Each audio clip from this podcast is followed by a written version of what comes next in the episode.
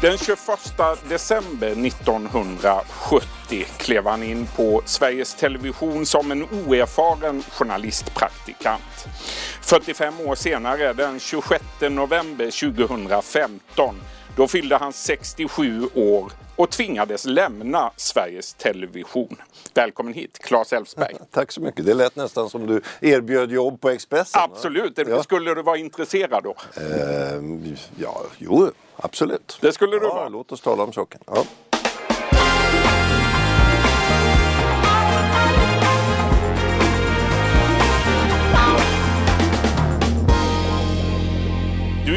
Idag då fyller nyhetsprogrammet Rapport och TV2 50 år. Och du var med och firade detta i morse på Sveriges Television på Gärdet. Ja. Eh, och eftersom ingen annan ville hålla tal så fick du göra det. Vad pratade du om? Ah, jag sa tack så mycket till de här eh, äldre och mycket kunnigare kamraterna som jag träffade på då när jag kom dit som praktikant. Alltså jag var ett blåbär och de var handplockade, väldigt skickliga eh, journalister och fotografer och redigerare. Så att jag passade på att tacka dem för att de fick att att de lärde mig så mycket. De var mitt universitet. Eller den där, de där första åren var mitt riktiga universitet i livet. Om du jämför Rapport 1970 med Rapport idag, hur har programmet förändrats? ja, oj, oj, oj. Alltså en, en vanlig tv-tittare skulle somna efter tre minuter tror jag om man sände ett av de programmen som gick 1970. Det var en 20 minuter lång sändning där nyheterna låg först i ett annat program. Och så kom det tre stycken vanligtvis långa reportage på sex minuter vardera om någonting väldigt tungt politiskt, arbetsmarknadsmässigt eller utrikes, Vietnamkriget eller så. Eh, det var inte någon upplyftande sak att sitta och titta på. För all del skickligt ihopkomna reportage och så, men det var ju inget tempo. Det var väldigt långsamt. I den eh, delen har det blivit bättre. Är det en pigg 50-åring tycker ja, jag? Ja, det tycker jag. Den, den är väldigt pigg. Eh, även om eh, jag är lite kritisk mot SVT-ledningen. Jag tycker att de eh, hindrar Rapport från att vara maximalt bra. Rapport är en pigg 50-åring som på ett, på ett skickligt och, och gediget sätt presenterar eh, så att säga, det som har hänt under dagen och det som är på gång imorgon. Det, det gör man på ett bra sätt. Men man har ju lagt, satt handbojor på redaktörerna där. De får till exempel inte ta in gäster i studion, som du Nej, gör nu. Va? Det är ju märkligt. Det är mycket märkligt. Och eh, avsikten med detta är att, att göra det lite lättare för Aktuellt att glänsa med sina gäster i studion. Så att eh, det ena stora och i mitt tycke viktigaste nyhetsprogrammet i den meningen att det når ut till störst publik måste hålla igen lite grann för att Finns det fortfarande en konkurrens här mellan Rapport och Aktuellt? Nej, det gör det inte. Så att det där är egentligen bara ett märkligt eh, beslut av ledningen? Ja, och det beslutet togs för ett 20-tal år sedan och det står sig fortfarande på det mm. viset. Det är ett antal chefer som tycker att det är bra, men jag är kritisk mot det. Du har tidigare sagt att eh, det var betydligt högre i tak på Sveriges Television på 70-talet än vad det är idag. Folk är räddare idag eftersom man kan bli av med jobbet har du sagt. Mm. Är ja, det så? Så är det ju. Eh, något ovanligt inträffade ju för eh, vad är det nu, tio, tio år sedan ungefär att, att folk faktiskt fick lämna företaget, fick sparken. Eh, och det där har lett till att det inte alls är särskilt högt i tak. Tidningen Journalisten hade ju nyligen ett, ett stort omfattande reportage om eh, arbetsmiljön på Sveriges Televisions nyhetsredaktion, riksnyhetsredaktion. Och det var ju ingen eh, munter läsning precis. Det är, Nej, många, det är många som är rädda och det som skrevs i det reportaget det bekräftar den uppfattning jag hade när jag själv var kvar i verksamheten. Samtidigt så har vi en politisk diskussion idag som handlar om hur stort public service ska vara. Flera partier tycker att man ska gå eh, på samma sätt som man har gjort i Danmark mot ett mindre och smalare public service. Vad tänker du om det? Ja, jag tycker att det där är ganska lömska angrepp. Public service har en otroligt viktig roll i samhället. Med bra public service så blir demokratin starkare. Eh, konkurrenterna blir bättre, det visar erfarenheten. Människor blir mer, bättre informerade. Det finns bara plusvärden av ett starkt public service.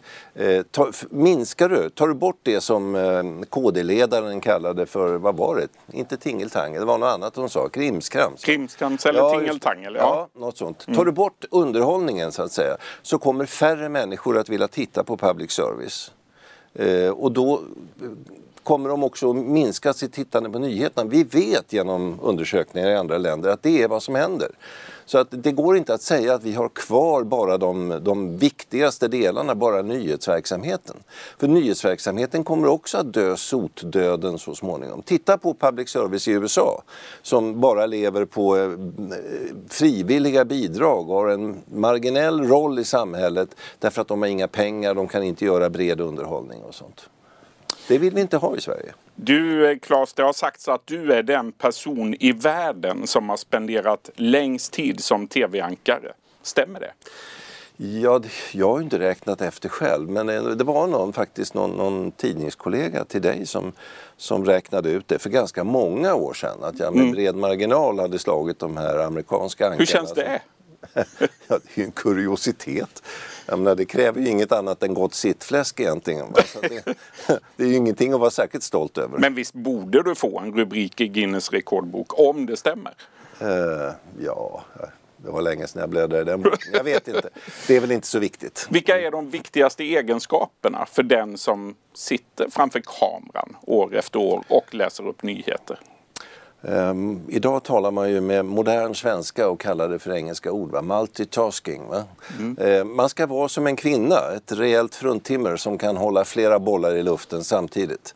Uh, både hålla ett öga på det som händer i nyhetsflödet, formulera sig, ha bra kunskaper sedan tidigare och sen ska man ju dessutom helst ha ett, ett uppträdande inför kameran som gör att folk inte ska säga, blir nervös av hur man ser ut och vad man säger och sådär. Det är många saker som, som spelar in men det är ju inte det är ju inte raketvetenskap precis, det är ganska enkla saker egentligen. Säger du ja. Ja. Du, vi ska backa tillbaka nu till den där dagen i december för 49 år sedan. Eh, när du första gången klev in genom dörrarna på Oxenstiernsgatan på Gärdet mm. i Stockholm. Du kom direkt från Journalisthögskolan då. Hur stort var det för dig att få jobb på Sveriges Television? Eh det var jättestort. Till skillnad från de flesta av mina studiekamrater så tyckte jag att TV var kul. Men min absolut främsta drivkraft var att jag faktiskt var ganska nyförälskad och ville ha praktik i Stockholm. Ah! Ja. ehm, och, och, det som stod högt i kurs det var ju tidningar, alltså, typ, alltså morgontidningar helst. Och en del ville jobba på, i kvällspressen. Ganska många ville jobba på Norrskensflamman och sådär ingen ville jobba på Sveriges Television om man inte tvingade dit dem. Så, så Vad märkligt, ja, hur kom det sig? Ja men TV var inte, det var inte, var inte så fint på den tiden. Så att när det var en ledig praktikplats på Rapport så räckte jag upp handen och sa jag tar gärna den för jag vill bli kvar i Stockholm. Och fem år senare, då blev du programledare, ja. delvis av en slump. Ja, helt och hållet av en slump. Hur gick påstå. det till? Ja, ehm, en kollega, Jan Sandqvist, skulle vara kvällens programledare, en mycket skicklig sådan. Han blev sjuk. Magsjuk stackarn, precis före sändning, 10-15 minuter innan. Och redaktören ser sig omkring, finns det någon annan här som, som redan har både kavaj och slips på sig? För det var ett av kraven på att vara programledare. Och så fick han syn på mig, gav mig manusen och skickade in mig. Var du nervös? Nej, jag hann inte bli. Du hann inte bli, det var så nära sändning. Ja, precis. Ja. Du, samma år, 1975, då satt du i kontrollrummet och följde dramat vid den västtyska ambassaden. Din kollega Bosse Holmström, han var där och han mm. yttrade de oerhört kända orden Lägg ut, lägg ut. Var du där och hörde honom säga detta? Eh, jag hörde honom säga det och när bomben hade smält och, och Bosse, en fantastisk tv-reporter, när han sa det där, lägg ut, lägg ut, lägg ut. För han var inte säker på att han var i bild, Nej. men det var han. Men han låg ute? Ja, precis. Mm För han ville berätta, det var ju hans stora drivkraft. Berätta, berätta, berätta. Eh, då sprang jag ner. Alltså, jag hade ingen uppgift i kontrollrummet, jag bara stod där och slötittade och undrade vad ska hända nu då? Så sprang jag ner till ambassaden för att se om jag kunde hjälpa till med någonting där. För det var ju ett ständigt pågående arbete där. Jag, du vet mm. ju hur ni har det här på Absolut, på och ambassaden ska vi säga låg ju då väldigt nära Sveriges Television. Så att det ja, var bara och ligger fortfarande och ligger fortfarande. Ja. Du, eh, fredagen den 28 februari 1986 då skjuts statsminister Olof Palme ihjäl på öppen gata i centrala Stockholm. Och en stund senare får du ett telefonsamtal från London. Nej, jag fick det faktiskt från en, en medarbetare på Rapport i Jaha. Stockholm som hade lyssnat på BBCs radioutsändning. Ah, det var så det ja, Han hade för vana att göra det innan han släckte lampan och somnade. Hur agerade du då? Ja, alltså, precis som alla andra hade jag väldigt svårt att tro att det var sant. Men eh, kommer uppgiften från BBC så måste man ta den på allvar. Så att jag ringde faktiskt till polisens ledningscentral som det hette på den tiden då i, i polishuset i Stockholm. Och blev, man, på den tiden kunde man ringa till polisen, det var någon som svarade. Och blev också kopplad in till ledningscentralen och vederbörande kände igen min röst. Det var ju en fördel av att sitta i TV rätt mycket. Och svarade faktiskt på frågan och sa ja. Mm. Statsministern är skjuten. Hur har det gått? frågade jag. Vi vet inte riktigt än, men det ser illa ut. Och då var det min uppgift som ansvarig utgivare den natten att dra igång verksamheten igen. Och det var inte alldeles enkelt. Nej, det var inte enkelt. Det var en annan teknik vi jobbade med på den tiden. Mm. Sändarnätet ägdes av Televerket och när TV1 och TV2, de två kanaler som fanns, hade slutat att sända för dagen, ja då stängde man av sändarna. Var och en av sändarna stängdes manuellt så att säga. Jag vet inte om det var en tryckknapp eller, eller en sån. Man ser framför sig att det var ja. en sån. Ja, ja. Det, det, borde ha varit det. Det är ju starkström ja. det handlar om, så det mm. var nog en sån. Va? Och sen de här männen, det var ju oftast män som jobbade som tekniker på Televerket, då åkte de hem när jobbet var slut. Mm. Så att när larmet gick, när jag ringde till vår tekniska direktör på SVT och sa att vi måste sända, så ringde han till Televerket och sa jaha, men vi måste först vänta tills de här killarna kommer hem. Så att vi kan be dem att sätta sig på cykeln eller i Volvon igen och åka tillbaka till sändarna och slå mm. på strömmen. Och, ja, det tog sin tid.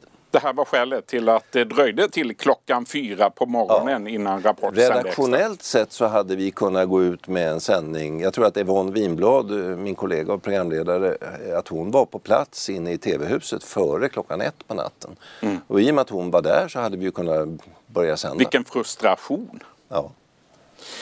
Du jobbade också Claes med Estonia-katastrofen 1994 och med tsunamikatastrofen tio år senare, 2004. Mm. Hur hanterade du dina egna känslor i samband med de här stora katastroferna? Jag tycker att framförallt eh, tsunamin var besvärlig. Alltså det var, det, för det första var det så otroligt många människor som dog. Det var ju hundratusentals människor som dog och en hel del av dem var svenskar också. Vilket gjorde att alla kände någon. Mm. Det var ju likadant som med Estonia då. Men jag, jag hade för en, en gångs skull ska man säga, det låter som om det var något positivt, men jag har oftast klarat av att, att, så att säga, vara professionell i, vid svåra nyheter. Men just med tsunamin så hade jag lite besvärligt med det där. Det, det kom så nära hjärtat med den här fruktansvärda katastrofen. Så att det, jag var känslomässigt väldigt tagen under en del av sändningarna. Märkte tittarna något av det? Det har jag ingen uppfattning om. Nej. Ingen har sagt det till mig efteråt i alla fall. Du, vi ska ta oss fram till den 30 november 2015 nu. Då satt du som programledare i Aktuellt för sista gången, åtminstone som fast anställd. Mm. Så här såg det ut. Det har varit 45 år för min del. Tre veckor saknas och det har varit väldigt roliga år. Men jag skulle vilja uppmana er alla nu eh, att fortsätta att följa public service nyhetsförmedling. Titta på Rapport eller titta på Aktuellt. Och så ses vi kanske igen i något annat sammanhang. Tack så mycket för mig och de här åren. Mm. Tack så mycket för ikväll. Tack så mycket Claes. Tack. Hej. Ja, då var det tack och hej från Sveriges Television eftersom du fyllt 67 år ett par dagar innan. Ja. Jag fick sparken har du sagt och du är mycket kritisk till att Sveriges Television avskedar människor av åldersskäl. Varför är det fel? Inte bara Sveriges Television. Utan de flesta storföretag och stora myndigheter och sådär gör på precis samma sätt. Jag påst vill påstå att det är en, en eh, ohelig allians bestående av arbetsgivare och fackföreningar som ligger bakom det där. Fackföreningarna drev en gång igenom eh, en, en pensionsreform i början på 1900-talet. Det är ju hund, mer än 100 år sedan som pension infördes i Sverige. Då satte man pensionsåldern till 65. Och sen har fackföreningarna alltid betraktat pensionen som en rättighet, något som man vill ha. Alltså är man, vill man inte gå i pension så är man konstig. För det, jobbet är så väldigt trist så att man måste få vila ut efteråt. Men idag är jobbet annorlunda, vi människor är annorlunda, vi är friskare, vi lever längre och många av oss jag vet därför att jag är ute och föreläser om det här. Väldigt många av oss tycker faktiskt om att jobba. Vi vill jobba, vi tycker om att göra rätt för oss, vi tycker om att vara med när det händer något. Eh, vi så att säga, identifierar oss själva i hög grad som arbetande människor. Inte bara journalister, utan lärare, läkare, sjuksköterskor, lastbilschaufförer, whatever. Allihop mm. gillar ju att jobba. Det är ju grundinställningen hos människor. Och att när arbetsgivarna vill ju bli, alltid bli av med folk, va? det är ju deras grundinställning. Får de äntligen en chans att säga upp någon så gör de det. Va? Och har de facket med sig som i det här fallet med 67-årsgränsen då åker alla ut obenhörligt. Eh, så jag, jag, tycker att Sveriges politiker borde ta ett ordentligt tag och tänka efter. Vad ska pension vara? Ska det vara ett sätt att tvinga ut folk i sysslolöshet? Eller ska det vara för de som verkligen behöver det och vill gå tidigt? Eh, det finns många frågor att ställa. Jag tycker inte att det är självklart att alla ska behöva jobba till de är 75. Men vi är många som med glädje skulle göra det. Och låt oss göra det då, för då bidrar vi till staten eller till samhällets ekonomi och kanske till och med bidrar till att de där som verkligen är trötta eller har skadat sig i tunga arbeten med lyft och sådär, att de kan få en tidig pension som det går att leva på också. Jag skulle gärna betala mer i skatt om jag bara fick bestämma själv när jag ska sluta jobba. Du, det har gått fyra år sedan mm. du lämnade Aktuellt-studion den där kvällen. Hur har ditt liv förändrats sedan dess? Ja, eh, det första året så hade jag ganska mycket att göra på Sveriges Television. Jag fick jobba med morgonprogrammet istället. Jag fick inte jobba med kvällsnyhetssändningarna. Men det var ju otroligt märkligt. Ja. Men, det där, det, varför det blev så får du fråga någon annan om. Ja. Uh, och sen har jag hoppat in vid några sammanhang då på nyhets, i nyhetssändningar också. Sommaren 2018 så jobbade jag på Rapport. Det var väldigt kul, ett par veckor. Uh, och sådär. Annars så har jag försökt att göra lite andra program. Jag vill nämligen hålla mig sysselsatt. Av många skäl. Det ena, eh, en del skäl har jag redan redogjort för. Ett, ett annat skäl är att min hustru är yngre än jag. Och hon vill jobba, hon är precis som jag, hon gillar att jobba. Företagare, hon kliver iväg varje morgon och är borta hela dagen. Och vad ska jag göra då, då om jag inte gör någon nytta? Jag kan ju inte bara sitta och rulla tummarna, det går inte. Du har fler programidéer på gång. Du ja, springer ja. med jämna mellanrum till produktionsbolag och till Sveriges Television ja. med idéer. Jo, jag har gjort, eh, i samband med att jag slutade så gjorde jag en programserie för Sveriges Television på sex heltimmesprogram eh, om min egen generation, 40-talisterna. Jag kallar den för Köttberget checkar ut för att reta någon. Och sen har jag gjort eh, porträtt på några i kungafamiljen. Eh, och nu håller jag på med en, en annan programserie, två, två gånger 60 minuter, som inte ska sändas förrän nästa höst. Så att det är lite tidigt att tala om innehållet där. Men jag, jag försöker jobba. Och det är ingen annan som ger mig uppgifter så jag får hitta på de här sakerna Du får hitta på dem själv. Ja. Vi håller tummarna för att vi får se mycket mer av dig, Claes Elfsberg, i TV. Tack så mycket. Stort tack för att du kom till vår studio idag och lycka till framöver. Du har lyssnat på en podcast från Expressen. Ansvarig utgivare är Klas Granström.